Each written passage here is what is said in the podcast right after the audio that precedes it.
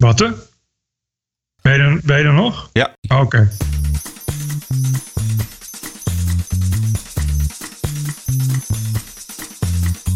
This is the TPO podcast. Ranting and Reason. With Bert Brusson and Roderick Phalo.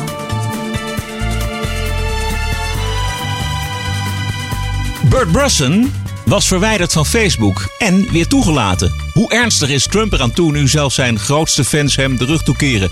Martin Bosma probeert de SGP te versieren en Dotan zegt sorry. Ik snap ook dat er momenteel aan veel wat ik heb gezegd of wat ik zeg getwijfeld wordt. Ik wou dat het anders was. Maar ik eh, moet dat nu gewoon onder ogen zien. Aflevering nummer 63. This is the TPO podcast. Goedenavond Bert, hoe was jouw eerste week als politiek vluchteling op Gran Canaria? Fantastisch. Fantastisch. Ik kan het iedereen aanraden. Gewoon dat je over straat kan lopen en geen BN'ers tegenkomt. Sowieso geen Nederlanders. Dat niemand eh, opzichtig naar je gaat lopen staren. Ook geen babyboomers. Dat niemand zich met je bemoeit. Het is gewoon heerlijk. Ik kan gewoon niet anders zeggen. Ja, hoe volg jij het nieuws in Nederland? Want dat is toch wel belangrijk om dat even te weten. Want je bent Oh. geband van, van Facebook. Wat is er precies gebeurd? Eh, ja, maar dat was echt. eh, het rare is dat dit was echt al de zesde keer dat het gebeurde. Ik word de hele tijd geband. Dat is, dat is dus altijd omdat ik echt een, een twee jaar oude eh, comment of zo of iets heb geplaatst. En dat heeft altijd te maken met Erdogan. Dus in de tijd dat die Beumerman, die Duitse, die satire had over Erdogan, dat was in 2016. Toen ja, heb ik gewoon een hoop topics geplaatst met erin het woord geitenneuker en Erdogan. Maar de combinatie geitenneuker en Erdogan, dat kan dus gewoon niet op Facebook. Maar ook echt twee jaar na dato kan dat nog steeds niet. Wat toch een beetje bizar is. Maar ik had er zelf niet zo heel veel... Want ik ben er inmiddels aan gewend dat, dat ik word geband. Maar wacht, wacht even, even voor mijn begrip. Want eh, zijn dat dan oude eh, tweets of oude, oude, eh, ja, hoe zeg je dat bij Facebook? Oude, oude posts die dan weer van stal worden gehaald? Het kan ook zijn dat, eh, dat er ineens, dat heb ik ook wel eens gehad, dat er ineens heel veel mensen die post gaan melden. En dan, gaat, dan slaat het algoritme van Facebook, Facebook aan. Want ik heb ook wel eens gehad, dat was echt, dat was eh, volgens mij eh, twee weken geleden, was ook zo'n was een filmpje. En dat is een soort Turks meisje, eh, zo'n Nederlands-Turks meisje. En die zegt dan dat alle Nederlanders nazi zijn. Dat, dat was bij Pownet, zo'n fragment. En dan had ik geüpload naar Facebook. Nou, dat filmpje is al meer dan anderhalf miljoen keer bekeken. En, en er staan 40.000 comments onder die eigenlijk eensgezind dat meisje uitschelden. En er kwamen nu ineens, kwamen ineens allemaal boze, boze brakkig Nederlandse Turken. Die kwamen, kwamen dan vragen van mag dat filmpje weg? Terwijl dat filmpje is ook al echt al twee jaar oud. Dus je weet nooit of iets viraal gaat. Of dat dat ineens bijvoorbeeld bij een Turkse gemeenschap dan wordt gedeeld. Nou ja, dan gaan een heleboel mensen gaan daar melding van maken. Maar het kan ook zijn dat Facebook gewoon een soort, soort terugwerkende kracht systeem heeft. Dat ze gewoon elk jaar gewoon nog eens even kijken van wat mag ook alweer allemaal eh, stuk. Wat toch niet voldoende stuk is gegaan. Ik weet het ook niet. Want deze post van jou, hoe oud was die? Twee jaar, precies. Exact twee jaar. Dat was wel dat ik dacht van het is alweer exact twee jaar geleden. Ja. Dus het lijkt wel alsof het dan gewoon elk jaar wordt het dan gewoon herhaald. Ja. Wat ook opvallend was, was dat jij niet de enige was. Want je was samen met eh, Arthur van Amerongen, die blijkbaar Ja. eh, ja, dezelfde ergernis heeft opgeroepen. Eh, hij, zijn berichten zijn ook geflagd dan. Waren ze uit hetzelfde jaar? Ja, volgens mij wel. Je kan niet zien of je berichten geflekt zijn. Hè? Ik bedoel, ze verdwijnen gewoon ineens. Oké. Maar- En dan krijg je een mededeling van ja, voldoet niet aan de regels. Dat is de enige. Dus je weet niet of, of Facebook dat zelf ziet. Maar dat, meestal is het geflagd, omdat dat dan een. ehm, eh, ja, die Facebook gaat niet zelf lopen controleren, zeg maar. Nee? Nee, je moet wel. Dus de, die Facebook, je hebt van die enorme teams, en die worden ook steeds groter, van, van Facebook-censuristen. Die breiden zich ook echt uit. En er zitten dus gewoon mensen de hele dag al die shit te beoordelen. Maar dat is wel echt beoordelen. Dus iemand moet het wel aanbrengen. Want je, ja, je kan moeilijk gewoon van, van, een, van 2 miljard gebruikers de hele dag kijken of alles goed gaat. En, en ze hebben dus ve- eh, algoritmes die dus dingen kennen. En het zou heel goed kunnen dat een woord als geitenneuker, ja, dat slaat natuurlijk gewoon wel aan op een algoritme. Ja. Dat is op zich een woord wat je natuurlijk heel makkelijk kunt laten filteren. Het duurde niet lang hè, deze keer. Nee, dat is wel grappig. Want het is echt al de tiende keer dat ik geband ben. En ik, ik, mij interesseert het meestal niet zoveel. Ik ben er al, uh, al gewend. Ik ga ervan uit dat ik, dat ik word geband. Dat je, je, ja, uh, Facebook is echt een probleem als je nieuws maakt. Want dit was ook gewoon een linkje naar TPO. Weet je, het nieuwsartikel had gewoon Geitenneuker en Erdogan in de kop. Ik linkte daar alleen maar naar. Maar dat is, dat is al zo vaak gebeurd. Ook als je bijvoorbeeld een, gewoon een historisch plaatje van nazi's of de Weermacht, uh, soldaten of zo, dan word je ook geband. Want dan zeggen ze, ja, nee, dat is neonazisme. Dus je weet gewoon nooit. Weet je, dus, dus, dus dat is allemaal niet zo heel erg. Ik, ik kan daar wel mee leven. Maar um, kennelijk viel het veel mensen op, omdat Arthur ook was geband. Dus, ja. dus Elsevier die zei, die zei van jou zit dat. En toen uh, gebruikte andere media gebruikte er ook wat van. Dus, dus ja, dan wordt het typisch zo'n mediarelletje. Maar daar schrikken ze dus blijkbaar van. Of ze, ja, en dan trekken ze terug. Ja, Facebook is wel heel bang voor media. Voor negatieve media-aandacht. Zeker, zeker nu. ik denk niet dat ze daarop zitten te wachten. Zeker niet bij dit soort dingen die... Um, uh, ja, dit is natuurlijk inderdaad... Ja, er zit gewoon een moderator die haalt het weg. Ja. Of, of een algoritme die haalt dat in bulk weg. Ja. Uh, en terwijl, weet je... Het is natuurlijk helemaal niet zo heel erg. Want het is gewoon een linkje naar, naar, een, naar weet je, dat soort dingen. Ja. Nou ja, hoe, dus, hoe, dus dan zijn ze bang als daar te veel media-aandacht over komt. Want dan krijg je dus dat iedereen gaat zeggen: ja, lange arm van Erdogan. En, en, uh, en uh, andere dingen halen jullie niet weg. En dat soort dingen. Dat, dit, ik ben natuurlijk een bekende naam en Arthur ook. Dus dan krijg je dat het, het verspreidt zich heel snel. Dus dan krijg je weer dat Facebook censureert publicisten en zo. Dat willen ze Nee, allemaal niet. nee. Maar het is natuurlijk best wel sneu. Want het zijn natuurlijk miljoenen mensen die, die elke dag mee worden geconfronteerd. Die voor de meest lullige dingen worden geband. Ja. Uh, en die, die krijgen hun account ook niet terug. Weet je, die hebben ook niet de mediadruk. De rol die Facebook speelt als taalpolitie op zijn eigen platform uh, kwam ook ter sprake in de verhoren die de Amerikaanse Senaat afgelopen week heeft afgenomen met de grote baas Mark Zuckerberg. I worry about a world where when you go from violent groups to hate speech in a hurry, in one of your responses to one of the opening questions, um, you may decide, or Facebook may decide, it needs to police a whole bunch of speech. Ja, dit is een Republikeinse senator. Um, Ja. That I think America might be better off not having policed by one company that has a really big and powerful platform. Can you define hate speech? Senator, I think that this is a really hard question. And I think it's one of the reasons why we struggle with it. There are certain definitions that, that, we, that we have around um, you know, calling for, for violence or um, Let's just agree on that. If somebody's calling Yeah. for violence, we, that shouldn't be there. I'm worried about the psychological categories around speech. You, you used language of safety and protection earlier. We see this happening on college campuses all across the country. It's dangerous. 40% of Americans under age 35 tell pollsters they think the First Amendment is dangerous because you might use your freedom to say something that hurts somebody else's feelings. Ik vond dat heel schokkend om te horen. Wat vond je schokkend? Dat 35% zei hij dat, 35? Eh, Van, van, van, de, van die jongeren vindt de, de vrijheid van meningsuiting in de grondwet dus, dus te, te ernstig. Kan mensen kwetsen. Ja.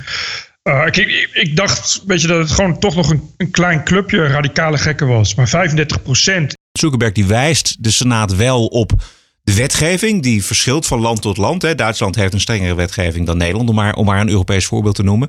Maar dat is eigenlijk natuurlijk een slap excuus. Omdat nergens de vrije meningsuiting zo ruim is als in Amerika. Hè. En daar schrapt Facebook ook teksten en mensen. proactively look at content, I think that that's going to create massive questions for society about what obligations we want to require companies to to fulfill. And and I do think that that's a question that uh, we need to struggle with as a country because I know other countries are and they're putting laws in place. And I, I think that America needs to uh, figure out and create the set of principles that we want American companies to operate under. Thanks. I, I wouldn't want you to leave here today and think there's sort of a unified view in the Congress that you should be moving toward policing more and more and more speech.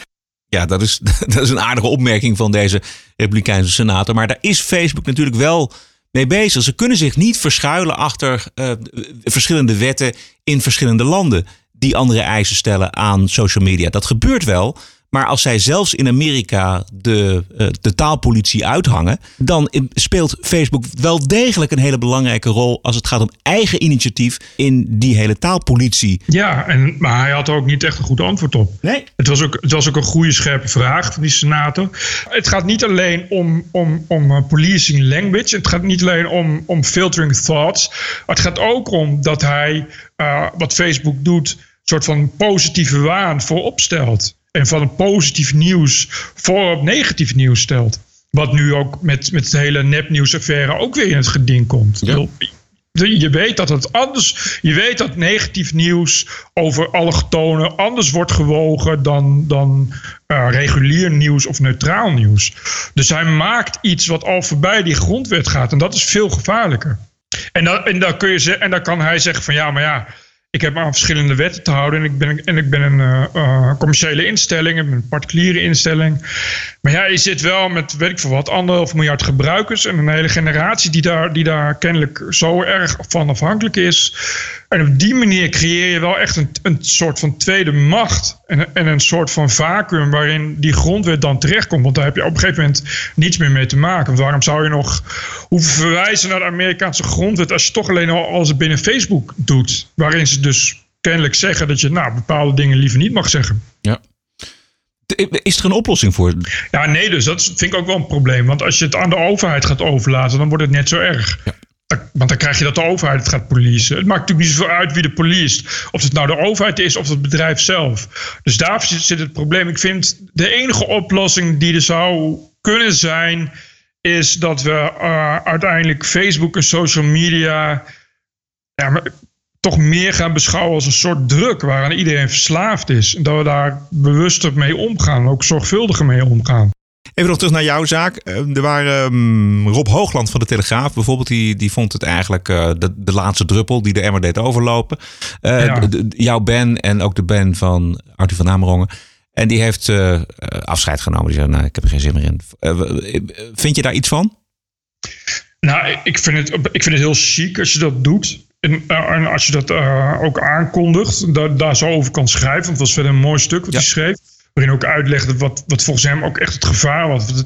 Hij vindt inderdaad, hij zegt van ja, dit is gewoon de lange arm van Erdogan. En dit is het gevaar. En dit, dit is waarom Erdogan een gevaar is. Eh, ja, eerlijk gezegd benijd ik hem wel. Ik zou er ook wel afscheid van willen nemen. Maar ik denk niet dat het mij dat gaat lukken. Ik denk Waarom dat Het, nou ja, ik heb daar... eh, weet je, TPO is er ook van afhankelijk. Dus ik, ik, ik, ben, ik, ik ben daar professioneel mee bezig. Dus ik haal er ook mijn nieuws van. En ik denk ook voor de sociale component. Ik ben ook een publicist. Dus, dus weet je, ik voorzie mensen ook van, van wat ik schrijf. Ja. Dus, dus, en bovendien, het, het echte probleem is wel dat je, ehm, als je helemaal van Facebook weg bent, dus ook echt, echt Facebook delete, dus geen enkel Facebook-account meer hebt, dan ben je ook de toegang tot heel veel apps ben je kwijt. Ja. Weet je? Ja, en, Ja. En, en, en toegang tot, tot, tot allerlei mogelijkheden die het leven veel makkelijker maken. TPO Podcast. Syrië. Het eh, laatste nieuws is dat de missie van de organisatie voor het eh, verbod van chemische wapens, de OPCW, die krijgt nog geen toegang tot het gebied in de Syrische stad eh Douma. Waar een aanval van chemische wapens zou hebben plaatsgevonden. Uiteindelijk draait het erom dat er bewijs komt voor dat er een gifgasaanval geweest is. De vervolgvraag is natuurlijk automatisch eh, wie eh, hebben daar achter gezeten. Nou, afgelopen zondag zat minister Blok bij Rick Nieman. Blok was tijdens de vergelding tegen Assad in Rusland. En zondag was Blok eh, zeer op zijn hoede voor de journalist Wierduk. Je kunt net zo goed beargumenteren dat Rusland daar heeft, ervoor gezorgd heeft dat de balans weer is hersteld, dat het een soort van orde is. En nu moeten we gaan onderhandelen met Syrië en Rusland en Iran. Nou ja, Rusland eh, zal zulke betogen met, met veel plezier aanhoren. Dat is hun uh, redeneerlijn. Er is, er is een voortdurende stroom uh, desinformatie uit Rusland. En ik hoop altijd dat Nederlandse journalisten daar ook kritisch mee omgaan. Net zoals ze met andere informatie kritisch omgaan. Dus daar, daar ligt nog nuttig werk weer.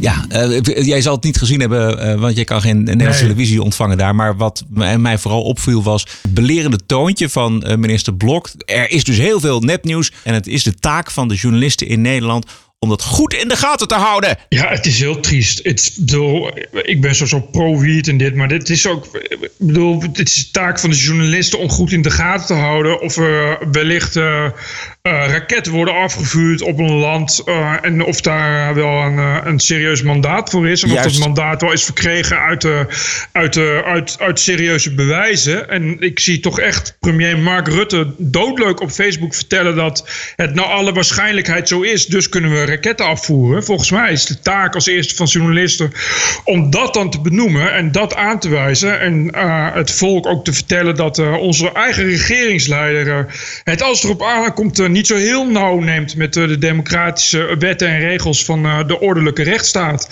Dus volgens mij is dat in de eerste plaats de taak van journalisten. Het is een beetje raar dat eh, meneer Blok daar kennelijk zelf heel anders over denkt, maar alleen vindt dat het de taak van journalisten is om nou eigenlijk alles wat uit Rusland komt te wantrouwen en eigenlijk alles wat uit de NATO-koker en Europa-koker komt automatisch te vertrouwen. Wat ik een beetje een merkwaardige gang van zaken vind, eerlijk gezegd. En ik vind dat Wie Duk daar ook een hele goede stem in heeft.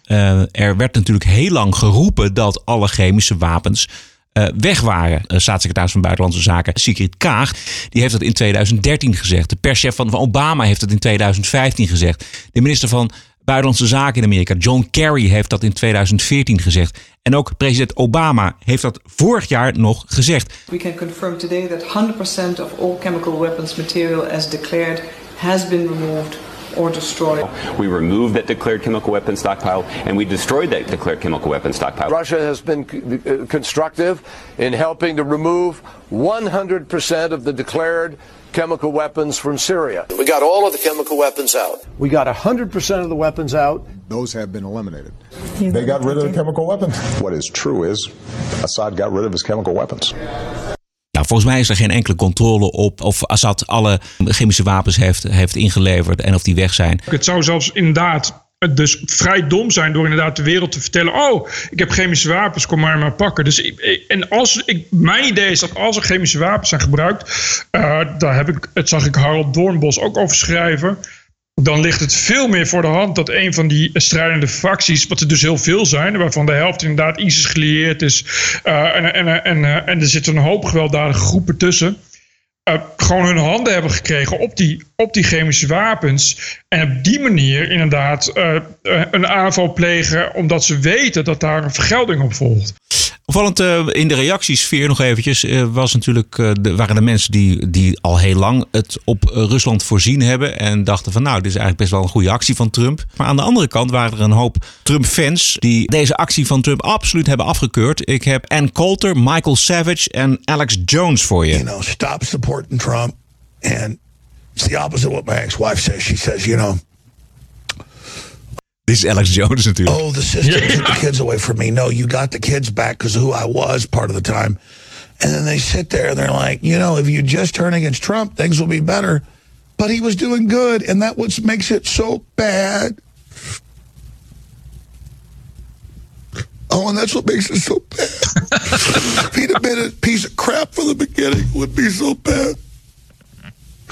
But we made so many sacrifices. Crapping all over us. It makes me sick.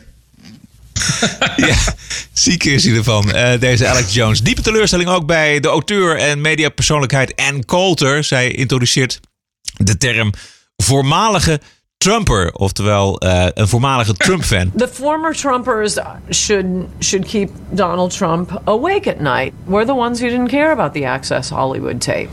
He had absolute rock solid locked us in on support because we thought we wouldn't be betrayed. Finally, just build the wall. If he doesn't have us anymore, no, that's what he should be worried about because you're you play those people for suckers. The one who stood by him through thick and thin and thought this was finally something different. Finally, we have a politician who's not going to lie to us. No, former Trumpers should put the fear of God in. En ook de boosheid bij de conservatieve radiohost Michael Savage. Hij omarmde Trump vanwege zijn focus op nationale thema's en de belofte om de betrekkingen met Rusland juist te verbeteren. One of the reasons I worked so hard to get Trump elected is I thought he would be a man of peace. Candidate Trump was on my show one month before the election and said on these airwaves that he'd meet with Putin if he could, even before he was inaugurated. That's how badly Trump wanted to tamp down war talk. Let's be clear about it. Putin is no angel, and Russia's interests don't always coincide with ours. But that does not mean we must be enemies or give the forces of darkness in Washington another war to get rich on while the rest of us suffer and our soldiers die for nothing. Ja, Bert, dit zijn echt uh, drie diehard Trump-fans die toch echt wel heel erg teleurgesteld zijn in deze man. Ja, best wel begrijpelijk. Want het zijn inderdaad allemaal ook, ook uh, ja, echte conservatieven. Die allemaal ook uh, uh, traditioneel een isolationistisch standpunt innemen. Dus, dus dat, dat was bij de Eerste Wereldoorlog en zo. Dat is nu niet anders. Amerika moet vooral wegblijven uit gebieden waar we zelf niks, niks te maken hebben. Syrië is natuurlijk inderdaad een plek waar, waar, waar Amerika eigenlijk al helemaal niet zat. Uh, waar ze inderdaad sowieso weg hadden moeten blijven. En Trump heeft het inderdaad geroepen. Dat was natuurlijk de reden voor veel mensen om op te stemmen van eindelijk een realist. Eindelijk iemand die niet naar de, naar de, naar de pijpen van, van Europa en weet ik voor wat voor belangen danst. Maar die gewoon zegt: fuck you, ik, we moeten daar weg. We moeten onze jongens terughalen. We gaan niet, we gaan niet nog een keer bloeden in een of ander eng land waar we eigenlijk niks te maken hebben. Waarvan we niet weten wat we krijgen. En dan dit gebeurt er. Ranting and Reason. TPO Podcast.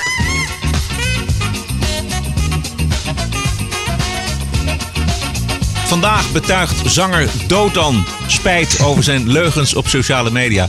Een samenvatting van het eerste bedrijf van dit drama door RTL Boulevard. Na jaren ploeteren breekt Dotan in 2014 eindelijk door bij het grote publiek.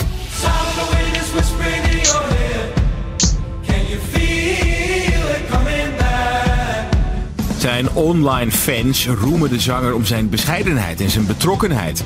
Maar zeker 140 van deze fans blijken helemaal niet te bestaan en zouden door Dotan en zijn team zijn gecreëerd, zo ontdekt de Volkskrant. De verhalen van deze nep-accounts lopen uiteen, van enorme bewondering tot een zwaar persoonlijk verhaal. Op Facebook schrijft ene Karel over zijn zieke broer Anton bij het concert van Dotan. Mijn broertje heeft leukemie en is in het laatste stadium. Zijn laatste wens was om Dotan live te zien spelen en misschien wel te ontmoeten. En dat lukt. Hij heeft tien minuten lang met hem gepraat en zijn hand vastgehouden. Dotan is een prachtig mens, een wereldartiest en een voorbeeld voor veel artiesten en mensen anno 2015. Maar nu blijken deze Karel en Anton helemaal niet te bestaan. Pikant is dat Dotan vorig jaar zelf met de campagne hashtag Inside My Bones de onechtheid op de sociale media wil aanpakken. Ik begon steeds meer te merken dat ik dan mensen sprak en dan eigenlijk dacht dat het heel goed met ze ging. Maar uh, ja, je dan toch hoort van dat het even wat minder was gegaan of dat er iets heel anders was gebeurd in hun leven. Het, het, het idee erachter is gewoon wel echt om een klein beetje die filter eraf te halen en iets meer echtheid te laten zien. Ja.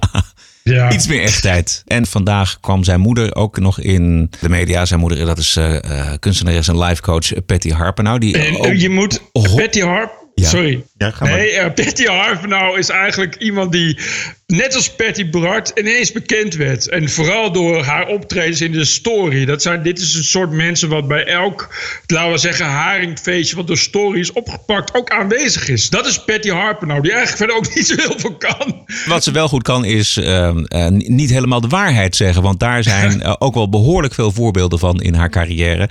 En als je nou ergens geen steun van wilt vandaag, als je een bekentenis doet zoals Doten, dan moet je niet de steun krijgen van je moeder. Niet als je moeder Patty Harper nou is. Ik vond wel uh, dat ik dacht van ja, weet je, moet je daar überhaupt als krant aandacht aan besteden? Ik wist ook niet wie die jongen was. Ik had nog nooit van hem gehoord, dus ik moest hem googlen. Op zich is wel een publiciteitsstunt, want nu weet zo'n beetje heel de wereld wie dood dan is.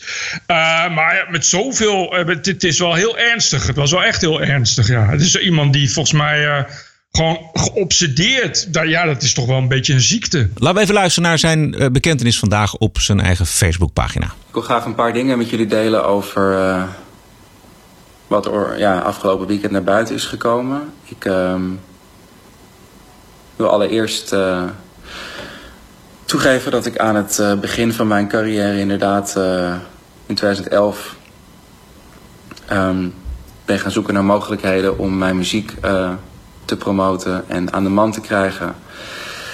En dat ik hiervoor uh, ja, de hulp heb ingeschakeld van uh, een aantal profielen en kanalen op social media. Um, dit heb ik met een team uitgewerkt en um, dit is iets waar ik achteraf uh, ontzettend veel spijt van heb. Wat ik heel dom vind. Ik eh, was heel naïef, veel te ambitieus en eh, onzeker, denk ik. Ja, in de war in ieder geval. Ja, in de war. Je hoort ook hoe hij het zegt. Uh, dat hij, dat, uh, hij zegt het toch nog op een manier dat hij dat zelf ook nog helemaal niet accepteert. Ik weet niet of dat nog is wat je vroeger bij de Trolls had opgelicht. Je had je Peter de Bie. Die ging dan, Peter de Bie, die, die vond er altijd heel goed in. Die ging dan van die, van die notoire oplichters zijn dat. Nou, die werden dan in de val gelokt. Nou, dan kwam Peter de Bie, die sprong dan achter zo'n, weet je wel, met zo'n camerateam achter zo'n bosje tevoorschijn. En die ging dan zeggen van, ja, hoe zit dat? Weet je wel, waarom, waarom lig je mensen op en zo? En als je die mensen dan zag, die oplichters, dat zijn altijd hele ja, het zijn altijd hele sneuwe mensen. Die dan op het moment dat ze worden geconfronteerd heel klein worden. En dan ook zeggen van nee, nee, dit heb ik allemaal gedaan. En dit is het verleden tijd en dit en dat. En ik heb wel eens ook zo'n interview met die, die Peter de Bier gelezen. En zei ik van ja, als je uiteindelijk blijkt dat het, dat het, dat het best wel ja, tragische sukkels zijn. Mensen waar je bijna medelijden mee krijgt. Die ja, een hoop problemen problemen natuurlijk in hun leven. Weet je, er is veel sociale problemen en, en geldproblemen. Maar die, die wel onvoorstelbaar moeite hebben om, om ook dat, dat in te zien. Dat is toch echt wel, echt wel ja, hardnekkig liegen, waar ze ook niet meer mee kunnen ophouden. Nee, maar dat was het rare eigenlijk bij deze Doten. Want de, ik, ken de, ik ken de muziek van Doten uh, al wat langer. Uh, ik heb een tijdje plaatjes gedraaid bij, bij Kicks Radio. En daar ja. draaiden wij hem. En dat was geen verkeerde muziek, kan ik je zeggen.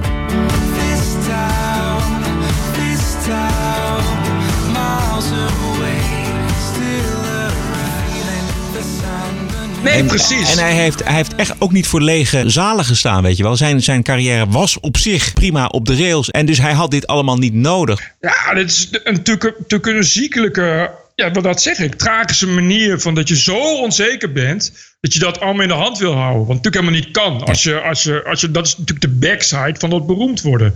Dat dan voor elke keer dat jij een noot zingt... zijn er 10.000 mensen op social media... die de meest verschrikkelijke dingen zeggen. En, en ja, ja dat, dat, dat is natuurlijk heel, dat is heel triest, vind ik. Dat is omdat het dus iemand is met talent of zo, weet je. Het is iemand die, die van zichzelf natuurlijk gewoon overal had kunnen komen. En ik vrees dat die carrière, ja... ik weet het niet. Maar voorlopig zou ik, als ik Dotan was, even iets anders gaan doen. Damage control voor uh, Dotan. Unplugged moet hij. This is the TPO podcast. Oké. Okay. Uh, zometeen hebben we nog uh, een bonusquote. Maar eerst eventjes de referendum-update. Het wachten is nog steeds op een stemming in de Eerste Kamer. Of het referendum definitief onder de zoden gaat. Maar in de Tweede Kamer uh, was er een heel grappig optreden van Martin Bosma van de PVV. Hij uh, signaleert steeds meer medestanders en probeert ook de SGP binnenboord te krijgen. Maar daar is de SGP niet van gediend. Voorzitter, ik zeg halleluja. Ik zeg halleluja, want het referendum maakt steeds meer bekeerlingen. Zoals de SGP heeft het licht gezien na 100 jaar. Broeder Roelof Bisschop riep vorige week op tot steun aan het nieuwe referendum dat over de donorwet. De heer Bisschop. Voorzitter, ik kan me voorstellen dat uh, de heer Bosman volledig in een euforische stemming raakt bij de gedachte dat hij een bisschop tot bekering heeft gebracht. Maar de tweet waar hij op duidt, die luidde iets in de geest van wij maken geen propaganda voor het referendum. Maar wij snappen wel uh, dat een referendum over een donorwet wel heel interessant is. Dat is niet een omarmen van het referendum. Ik moet u teleurstellen. Uh, ja, dan kan de heer Bisschop hier wel zeggen van ja, ik doe het met tegenzin of ik vind het eigenlijk niet. Maar ik stel gewoon vast dat hij het instrument van het referendum omarmt. En daar prijs ik hem om. Het heeft, uh, het heeft 100 jaar geduurd bij de SGP, maar jullie hebben het licht gezien. Martin Bosma, altijd plus één. Het is echt de grappigste parlementariër ooit. echt als, als je een mediadebat hebt, je hebt ook wel in die plenaire zaal, zit daar ook in zo'n commissie waar dan dat soort debatten worden gevoerd. Die gaat gewoon echt, echt zo krijg je zo'n one-man show van een half uur. Dat is zo grappig. Ja, grappig. Het is echt Martin Bosma kun je gewoon ook over tien jaar kun je gewoon de leukste, leukste fragmenten van Martin Bosma op DVD ja. bundelen en dan gewoon drie uur lang terugkijken met popcorn en cola. Dan de bonusquote, die is van de VVD Tweede Kamerlid Arno Rutte. Die zich, net als de rest van de VVD, groen en geel ergert aan het gedogen van de krakers in Amsterdam. Door waarnemend VVD-burgemeester Josias van Aartsen. Wat Arno Rutte betreft, vloeit van Aartsen zo snel als mogelijk af via natuurlijke weg. Nou, voorzitter, voor mij is de, de VVD en de gemeenteraad en de gemeente VVD hier in de Tweede Kamer heel duidelijk. Wij vinden dat deze krakers aangepakt moeten worden. We zijn het ook niet eens met de heer Van Aartsen, die inmiddels zo ver boven de partijen staat dat hij het geheel losgezongen lijkt te zijn van de VVD. Dit vond ik zo'n mooie quote. We gaan het nog een keer draaien. Vooral dat laatste vind ik echt fantastisch. Wij vinden dat deze krakers aangepakt moeten worden. We zijn het ook niet eens met de heer Van Aartsen. Die inmiddels zo ver boven de partijen staat dat hij geheel losgezongen lijkt te zijn van de VVD. Burgemeester moet het ook altijd boven de partijen staan. Maar hij staat zo ver boven de partijen dat hij geheel is losgezongen van de VVD. Maar ook best wel een stevige uitspraak hè, van Ja. een VVD'er. Tegen Ja. een VVD-burgemeester. Precies, dit die, is- dit die is- inderdaad een soort beleid voert waar toch echt ook de, de meest linkse VVD'ers inmiddels wel voor over op hun hoofd gaan krabben, vrees ik. Precies, iedereen, eh, het kan iedereen niet snel genoeg gaan dat Jozef van Aartsen eh, vertrekt als burgemeester van Amsterdam. Zelfs de VVD niet. Ja, het is echt. Jozef van der Aarts die gaat echt straks ook in stilte weg. Want ook niemand noemt dan nog dat hij weg is. Dan ineens, dan is er een nieuwe burgemeester in Amsterdam. En dan, niemand weet dan nog dat Jozef van der Aarts daar zat. Om zo je carrière te eindigen, dat is toch niet mooi. Maar goed, hij heeft het wel aan zichzelf te danken. Er zijn natuurlijk heel veel eh, mensen die de VVD hierop aanspreken. Dat gebeurt natuurlijk voortdurend. Tuurlijk.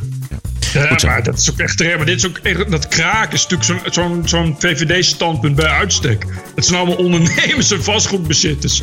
Die, die inderdaad al 100 jaar een kraakverbod willen. Wat ze natuurlijk al 100 jaar ook bij de VVD al proberen door te drukken. Dus het wordt dan wel een tikje vervelend als uitgerekend de burgemeester van een, de hoofdstad dit soort geintjes gaat flikken de hele tijd. Oké, tot zover deze TPO-podcast nummer 63. Wij gaan eh, alweer eh, morgen aan de slag met nummer 64. Wilt u ons ondersteunen bij het produceren van eh, deze podcast? Dat kan natuurlijk met een donatie. Ga naar tpo.nl slash podcast. Daar vindt u de mogelijkheid om te doneren. Ieder bedrag is van harte welkom. De donaties worden ook besteed aan eh, 250 euro voor isolatiemateriaal. Want ik weet niet of je het kan horen. Je, de- je kan het er digitaal flink uitfilteren. Althans, Roderick kan dat. Maar ik zit nog steeds in een, eh, in een leeg huis ter grootte, van een, eh, ter van de provincie Utrecht ongeveer. Dus eh, alles wat ik zeg galmt als het tierenleer. Dus ik ga één kamer ga ik zo inrichten dat ik er een normale opnamestudio van kan maken. Dus plak allemaal van die, ja, van die, van die schuimrubberen matten met punten ga ik op de muur plakken. Maar die matten moet ik wel kopen. Dus eh, dat, eh, daar eh, gaat dan ook geld aan besteed worden. En als dat zo is, dan ga ik ook weer vaak een solo podcast maken. Maar dan moet ik dus wel een goede, ik moet wel een, een goede studio hebben waar ik een beetje leuk kan zitten. Iedereen bedankt voor het luisteren en graag tot volgende week dinsdag. Dan zijn we weer terug. Tot dan. TPO Podcast. Bert Bruson, Roderick Balo, Ranting and Reason.